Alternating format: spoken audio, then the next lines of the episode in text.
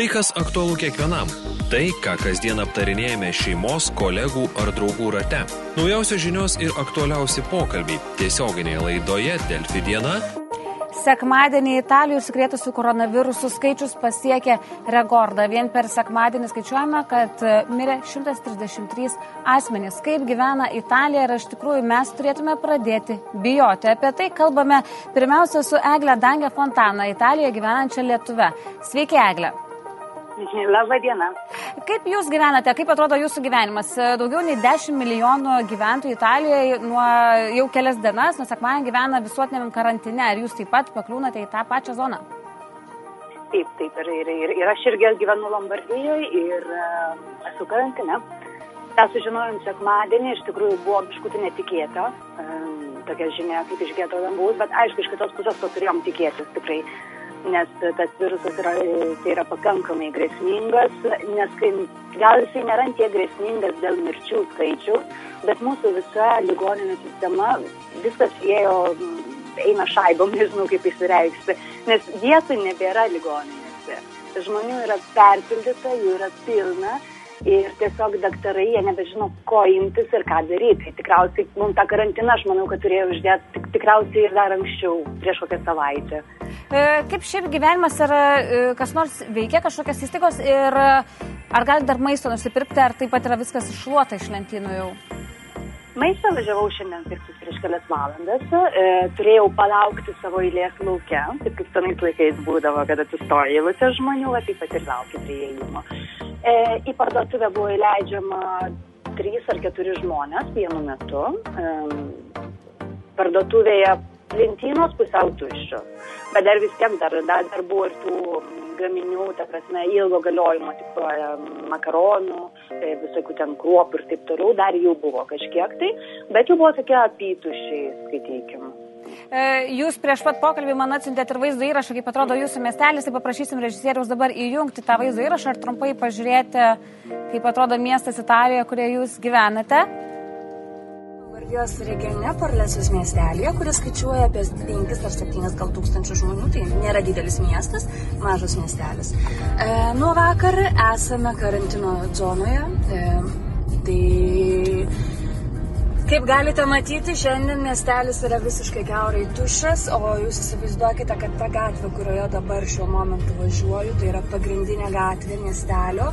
Ir dažniausiai, na, negaliu sakyti, kad visada būna pilna žmonių, bet, e, bet bent jau būna kažkokia tai gyva dvasia ant šaligatvių. E, dabar nieko, nieko nėra.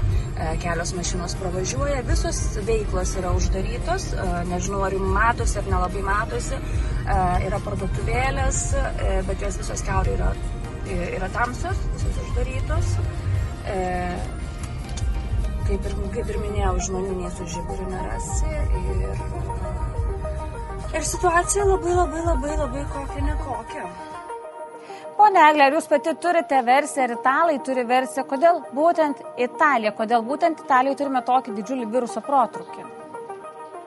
Tiesiog, nes tas virusas jisai yra labai, už, labai greitai užkrečiamas ir mūsų žmonės paprasčiausiai, nes mes esam, kad ir kaip bebūtų, Italija yra didžiulė šalis, yra be galo daug gyventojų žmonės blogai įvertino tą riziką ir tikriausiai ir mūsų valdžia net nelabai žinojo, kuo tai gali baigtis, ar ne.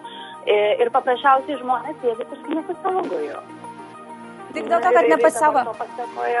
Ar sekate naujienas e, Lietuvoje? Ne, Lietuvoje kartas nuo karto paskaitau kažką, tai, bet pakankamai mažai. Nes šiaip, kad ir kaip būtų vis tiek namuose, bet pastoviai turim žinias įjungtas visą dieną ir, ir, ir stebintas naujienas, kaip ir kas čia darosi ir kur ta visa situacija eina, į kurią linkme. Šiaip jūsų nuomonė, ar Lietuvoje reikėtų galbūt imtis griežtesnių priemonių, nes e, mes neskelbėme karantino, mes tikriname žmonės oro uostuose, kai kurie yra apsirūpinę maistu, bet e, tik dėl to, kad išsigando iš pradžių pirmo koronaviruso atvejo, ar mums reikėtų kažkokių papildomų priemonių, nes na, mes iš tikrųjų tikrai nesisaugom, neturim nei kaukių, net ir parduotuvėse nebėra dezinfekcinio skaičių. Nu, matot, iš kitos pusės, e, jeigu, tarkim, ir aš dabar, skaitykim, jeigu grįžčiau Lietuvą su lėktuvu, man patikrina tą temperatūrą ir mm, man dar jos nerodo kol kas, ar ne, nes tas virusas, jisai nebūtinai iš karto pasireiškia. Ir aš galiu grįžus į Lietuvą, mm, sakyti, kad aš gerai jaučiuosi ir neskaitant to, aš galiu jau turėti tą virusą ir automatiškai einant į prekybos centrus ir taip toliau ir aš visiems keurai perduosiu. Ir, ir, ir, ir, ir, tame, mm, ir nuo to viskas keurai prasidės. Tai čia reikėtų, aš manau, reikėtų labai smarkiai pasisaugoti ir reikėtų kažkokių tai imtis priemonių kad nepaplistų viruso, nes jisai plintant žaibiškų greičių, problema aišku, o kai miršta galbūt vyresni žmonės su kažkokiam tai patologijom, jau turintis kažkokių tai problemų. Bet, bet paskui, jeigu tas virusas ateitų ir pasisirėtų, jūs ligoninėse vietų nebeturėsit. Ir tada jau žmonės pradės mirti ir aš manau, kad ir dabar pas mus sekmadienį tiek daug žmonių mirė dėl to, nes nebe, nebėra, mes nebeturim aparatų, nebeturim e, darbuotojų, mes nebeturim išgalių, e, padėti pasveikti tiem žmonėms. Suprantat, kur yra problema didžiausia. Ačiū Jums labai, kad prisijungėte pakalbėti su mums. Žiūrovams primenu, kad kalbėjom su Eglė Dangė Fontana, Italijoje gyvenančia Lietuve ir pokalbė apie koronavirusą. Tęsime su Vilniaus universiteto gyvybės mokslų centro profesorė Aurelija Žvirbienė. E, jūs girdėjote taip pat, ką kalbėjo ir lietuviai iš Italijos. Jis sako, kad gal pavėlavo, gal nesisaugojo italai tiesiog. Ar sutinkate su tuo, kad kodėl būtent Italijai mes turim tą didžiulį protrukį? Tai turbūt čia bet kurioje šalyje galėjo toksai protrukis atsirasti ir pradėti plisti. Ir kiek aš prisimenu reportažus iš Italijos, kai buvo pirmieji atvejai jau viruso patvirtinti ir žmonės tiesiog iš gatvių kalbėjo, kad ai čia pas mus va linksma, smagu, Milane ten katedra veikia ir iš vis niekas čia apie tą virusą nekalba ir kam čia kelti tą rūpestį. Tai aš sakyčiau, toks truputėlį atsainokas buvo požiūris ir, ir tose pačiose oro uostose uostuose ir taip toliau. Ar mes to paties nepadarėm su Kazuko mūgė, nes aš pati kalbinau penktadienį Kazuko mūgės prekeivius ir taip pat lankytojus. Uh, maistas nebuvo uždengtas, buvo tiesiog plevelės kažkiek centimetrų truputėlį pridengta. Visi prekeiviai sakė, kad uh, čia yra išpūstas burbulas, jokio koronaviruso nėra Lietuvoje ir tikrai nieko, nieko blogo nenutiks. Taip, yra tikrai tokios nusiraminimo nuotaikos, nes mes kol kas turim tą vieną patvirtintą atvejį, bet aš manau, kad bent iš mūsų valstybės valstybės yra toks požiūris, kad vis dėlto tos priemonės turi būti ribojančios ir tai, kad žmonės yra registruojami, kurie sugrįžta iš tokių rizikos šalių kaip Italija, aš manau, tai yra bent jau gerai, kad tas toks truputėlį nerimas jisai turi būti. Nes jeigu vis, visiškai atsipalaiduosim, tai aš manau, čia labai greitai mes galim pasiekti tuos šimtus ir tūkstančius užsikrėtusių. Ir iš tikrųjų, tai kaip pats virusas veikia mūsų organizmą, ką jis mums daro, kai pakliūna, nes e, mes taip mes kalbam apie mirusius, bet iš tikrųjų pagyjusių yra daugybė ir daug daugiau ir jis e, gal net iš tikrųjų tos skaičius palyginus netrodytų toks pavojingas, bet mes apie jį kalbam kaip didžiulę grėsmę, tai ką jis gali padaryti? Tai dabar, kai yra skaičiuojamas būtent santykis, kiek yra žinoma užsikrėtusių ir kiek yra mirusių, tai tas procentas yra ganėtinai didelis, nes iš šimto kuriem patvirtinta lyga, mes žinom, kad ten daugiau kaip du žmonės miršta. Tai yra tikrai žymiai daugiau negu, pavyzdžiui, mirtingumas nuo gripo infekcijos. Bet kitas dalykas, kad mes turbūt ir nežinom tų realių skaičių, kiek apskritai yra užsikrėtusiųjų, nei kiek jų buvo Kinijoje ar šiuo metu yra, nei kiek yra Italijoje, todėl kad be abejo, kad didelė dalis žmonių tiesiog nejaučia simptomų. Tai jeigu mes įvertintume, sugebėtume įvertinti tuos skaičius, galbūt tas mirtingumas yra dar mažesnis negu 2 procentai. Tai Galbūt tai iki... padaro virusą mažiau pavojingą, ar kaip tik labiau pavojingą, nes mes iš tikrųjų taip nejaučia simptomų jokių, tai gal čia yra dar pavojingesnio taip, viruso požymių. Taip, tai yra tikrai problema, todėl kad žmonės gali platinti tą virusą visiškai to nežinodami. Ir tai, kad pavyzdžiui sugrįžta tikrai nemažai žmonių iš tos pačios Šiaurės Italijos ir jie tik tai tuo atveju, jeigu pajaučia simptomus, jie yra prašomi, kad skambintų ten 112 registruotus ir tada jau jie, jeigu pajaučia simptomus, jie yra tikrinami dėl šito viruso. Bet mes turėtume nepamiršti, kad ta infekcija jinai gali būti visiškai be simptomų. Ir mes iš tiesų nežinom, kiek tų žmonių, pavyzdžiui, kad ir toj kaziuko mūgiai vaikščiojo ir džiaugiasi gyvenimu, bet galbūt jie iš tiesų jau turi tą virusą, galbūt jų šeimos nariai turi. Bet čia iš tikrųjų nesinorėtų taip kažkaip labai gazdinti, nes gal tikrai negerai čia yra tą nerimą tokį labai sėti visuomeniai Bet aš manau, kad mes turim būti nusiteikę ir pasiruošę, kad tas plitimas jisai gali būti plitimas ar galėtų būti per augintinius? Buvo žinia, kad užsikrėtė vienos moters mhm. šuo koronaviruso. Ar iš tikrųjų galime teikti, ar yra kažkokių žinių, kad iš tikrųjų koronavirusą gali platinti mhm. augintiniai, namų augintiniai? Šitų mokslinių įrodymų tikrai nėra. Tas vienas atvejis jisai buvo Hongkonge ir augintiniui buvo tiesiog paimtas mėginys ir ten nustatytas koronavirusas. Bet tarp, tarp to mėginio ir jo diagnostikos ir pa, pačios virusinės infekcijos, tai negalim dėti lygybės ženklo. Aš įsivaizduoju, kad tas virusas tikrai galėjo tam šuniukui ten persidot, nes žmonės dabar labai glaudžiai gyvena su augintiniais ir lovoje mėgsta kartu pamiegoti ir taip toliau. Bet nėra nei vieno atvejo prašyta, kad iš e, šuns arba iš katės būtų užsikrėtęs žmogus. Ir tai, ką mes nustatom tuo diagnostikos metodu, kuris yra tikrai labai didelio jautrumo ir, ir ten galima tiesiog ir net negyvybingą virusą nustatyti. Vis tiek mes viruso genetinę medžiagą tuo metodu nus, nusta, galim nustatyti molekuliniu. Tai žodžiu, čia šitam tikrai dar nėra jokio pagrindo nerimauti, kad jau gali ir šunis tą virusą platinti. Nėra tokių įrodymų. Gerai, e, naujienų daugiausia yra apie tai, kad iš tikrųjų e, nuo jo miršta, nuo šio viruso žmonės vyresnio amžiaus, turintis kažkokių lėtinių lygų, kitų šalutinių. E, tai ar tikrai gali jaunimas, vaikai, asmenys turintys labai stiprų imunitetą, ar tikrai gali būti ramus ir jie bus tik tai nešiotojai, ar nereikėtų čia visiškai dėti lygybės ženklą ir visiems reikėtų saugotis? Iš tiesų tai saugotis reikėtų, todėl kad mes žinom, kad ir ganėtinai jauni žmonės mirė ten ir 30 mečiai, nes virusas iš tiesų yra gan, gana klastingas, jisai įlenda atsiranda e, per tokius specifinius receptorius, baltymus tam tikrus, kurie yra mūsų lastelėse. Ir mūsų visas organizmas turi tų receptorių ir tų lastelių, pavyzdžiui, jų yra burnos gleiviniai ten ir, ir netgi ant liežuvio yra daug tų receptorių. Ir, ir apskritai visam organizme, ir širdį, ir, ir plaučiuose, ir, ir inkstuose visur. Tai žodžiu, virusas kaip pakliūna, jisai išsisėja po visą organizmą.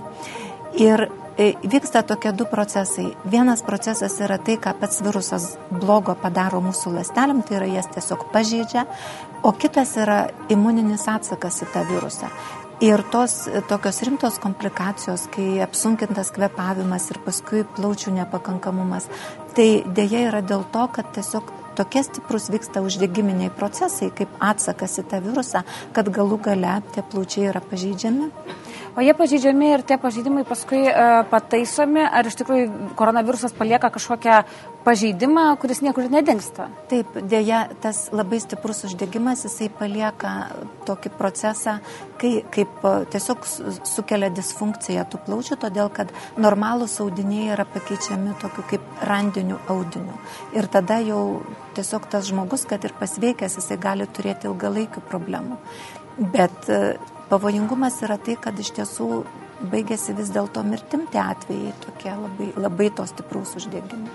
Mes vis kalbam ir mūsų dauguma specialistų ramina, kad ateis vasara ir tas koronaviruso efektyvumas ir plitimas baigsis, nes tikėtina, kad jis nėra toks atsparus šilumai, karščiui. Kiek tuo galima pasitikėti? Tai čia, jeigu mes galvotume apie šitą infekciją kaip apie sezoninę infekciją, tai mes tada to galėtume ir tikėtis. Nes gripo infekcija va taip sezoniškai irgi tęsiasi, taip pat ir žinom, kad ir timų protrukis buvo pernai ir jisai, ir jisai baigėsi, kai atšilo orai. Tai yra tikimasi, kad ir su šito virusu mes stebėsim tą tendenciją. E, iš tiesų tai yra susijęs su tuo, kad kai yra tas temperatūrų skirtumas tarp lauko ir vidaus temperatūros, tai mūsų tos apsauginės, visos gleivinių apsauginė sistema ir taip toliau, jos, jos tokios būna mažiau jautrios. Kai tos temperatūros laukia ir viduje išsilygina, tai tada nu, mes netokie pažeidžiami daromės. Ir be to mažiau būnam patalpose, daugiau būnam laukia. Tai va tokie, tokie netiesioginiai tie visi yra veiksniai. Ir jeigu iš tiesų tas virusas, kaip matom, jis yra gan, gan lengvai plintantis. Tai čia tikrai yra labai sunku prognozuoti, kad va čia taip atšils oras ir viskas viskas pasikeis į gerąją pusę. Norisi tuo tikėtis, bet. Aš e, praeitą savaitę klausiu ir profesorius Čaplinsko apie tai, ar tikrai mes galim dabar imti ir planuoti atostogas kažkada Liepą, e, gal rūpjūti, kai tikrai bus šilta, ar dar reikėtų nuo to susilaikyti, nes mes dar nežinom, kaip veikia virusas šiltoje aplinkoje. Taip, mes iš tiesų dar daug ko nežinom, nes mes žinom apie tą virusą realiai apie du mėnesius tik tai. Tai yra tikrai naujas patogenas. Tai dėja kol kas dar nėra atsakymų. Niekas negali garantuoti, kad taip tikrai planuokite atostogas Liepai ir nieko nebijokite vakcina. E, yra įvairių šaltinių ir patikimesnių ir netokių ne patikimų, bet iš tikrųjų sklinda įvairių e, versijų. Ne va, tai e, Amerikoje jau bandoma vakcina, kiti sako, kad jau gali būti ir kelių mėnesių mes turėsime, kiti štai sako, kad normaliai vakcinai sukurti reikia penkerių ar net dešimties metų. Kada mes tą vakciną galim turėti? Tai e, aš kaip mokslininkė tikrai netikiu, kad mes galim turėti vakciną per kelis mėnesius. Ir tai, kas yra dabar skelbiama, kad kažkas pradėjo bandyti vakciną. Aš tikiu, kad pradėjo bandyti kažką, kas jau yra sukurta, galbūt pradėjo bandyti su gyvūnais, tada pradės bandyti su žmonėm, bet tas laikas, tas išbandymų laikas, jis yra labai ilgas. Todėl, kad reikia įvertinti labai daug dalykų. Tai yra, ar ta vakcina tikrai apsaugo. E, kokius jinai sukelia pašalinius reiškinius. Įsivaizduokit visuomenę, kuri ir šiaip yra nelabai palankiai nusiteikusi vakcinų atžvilgių ir jeigu kažkas pasakytų, kad mes turim eksperimentinę vakciną, apie kurią nelabai žinom, ką jinai ten, kokiu pašalinių reiškinių sukelia ir vad siūlom jum pasiskėpyti. Tai žinoma, kad to būti negali, bet kokia vakcina, e, tam, kad jinai būtų registruota, jinai turi praeiti vad šitą ilgą išbandymų laikotarpį. Ir tikrai nepakanka ten poros ar trejata mėnesių, kad tie išbandymai būtų atlikti. O technologiškai sukurti vakciną šiais laikais, tai, ką mes vadinam vakcinos komponentais, tai nėra labai toks neįveikiamas uždavinys. Ir aš tikrai skaičiau nemažai tų yra dabar variantų vakcinos ir, ir baltymai, ir RNR, ir DNR, visokiausių variantų, bet jie visi turi praeiti ilgus išbandymus. E, mums sako, kad nei dezinfekcinis keistis, nei kaukės nepadeda, kad dezinfekcinis yra ta atsarginė priemonė, kai neturim kur rankų nusiplauti, o kaukės, e, gal kalbėkime labiau apie respiratorius, kurie yra kitaip pralaidus, e, esą ir jie nėra veiksmingi, čia tiesiog nuo savęs apsaugom kitus. Ar iš tikrųjų taip yra, ar iš tikrųjų mes, na dabar aš jeigu norėčiau kažkokių priemonių, gal kad ir psichologiškai jaučiuos gerai, ar iš tikrųjų nėra kaip apsisaugoti savęs. Tai tos paprastos kaukės, tai čia iš tikrųjų labiau labiau toksai psichologinis dalykas ir galbūt mes galim nu, taip labai netiesiogiai sakyti, kad jos šiek tiek apsaugo, nes jeigu mes turim kaukę ant nosies ir ant burnos, tai mes, jeigu patys, pavyzdžiui, esam nešiotojai arba to nežinom, mes tiesiog mažiau liečiam nosį, burną, tada mažiau paliečiam su to virusu ten kažkokiu rankenu. Toks nu, labai netiesioginis tas apsauginis efektas. Bet jeigu taip žmonės įsivaizduoja, kad aš užsidėsiu kaukę ir aš dabar jaučiuosi saugus, tai tikrai taip nėra. Bet čia kalbam apie tas kaukės, kurios yra tokios plonytės, iš vaizdinės, bet jeigu tai yra respiratoriai, stipresni respiratoriai, kurių irgi nėra nusipirkti, ar jie yra šiaip e, naudingi, ar jis galima apsisaugoti? Tai jeigu mes kalbam apie tikrai specializuotus respiratorius, kurie yra paskaičiuoti, kad jie nepraleistų viruso, tai turi būti tikrai brangus, tam skirtas respiratorius, nes viruso dalelės yra labai mažos. Tai yra keliasdešimt nanometrų dydžio, tai yra labai turi būti ten mažos poros, kad žmogus galėtų kvepuoti, bet kad jos tos poros nepraleistų viruso.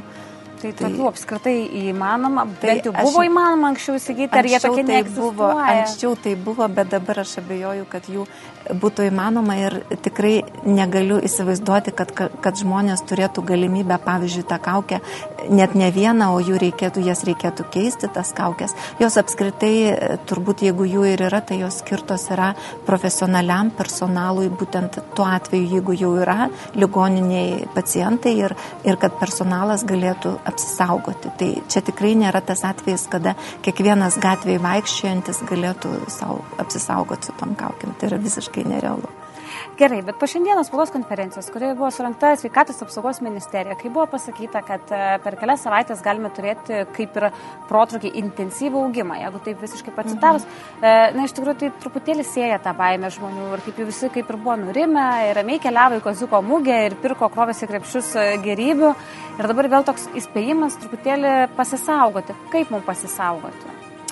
Tai žinot, tas įspėjimas pasisaugoti turbūt čia nieko naujo, vis tas pats rankų plovimas, tas pats vengimas kažkokių didelių susibūrimų uždaroj patalpoj.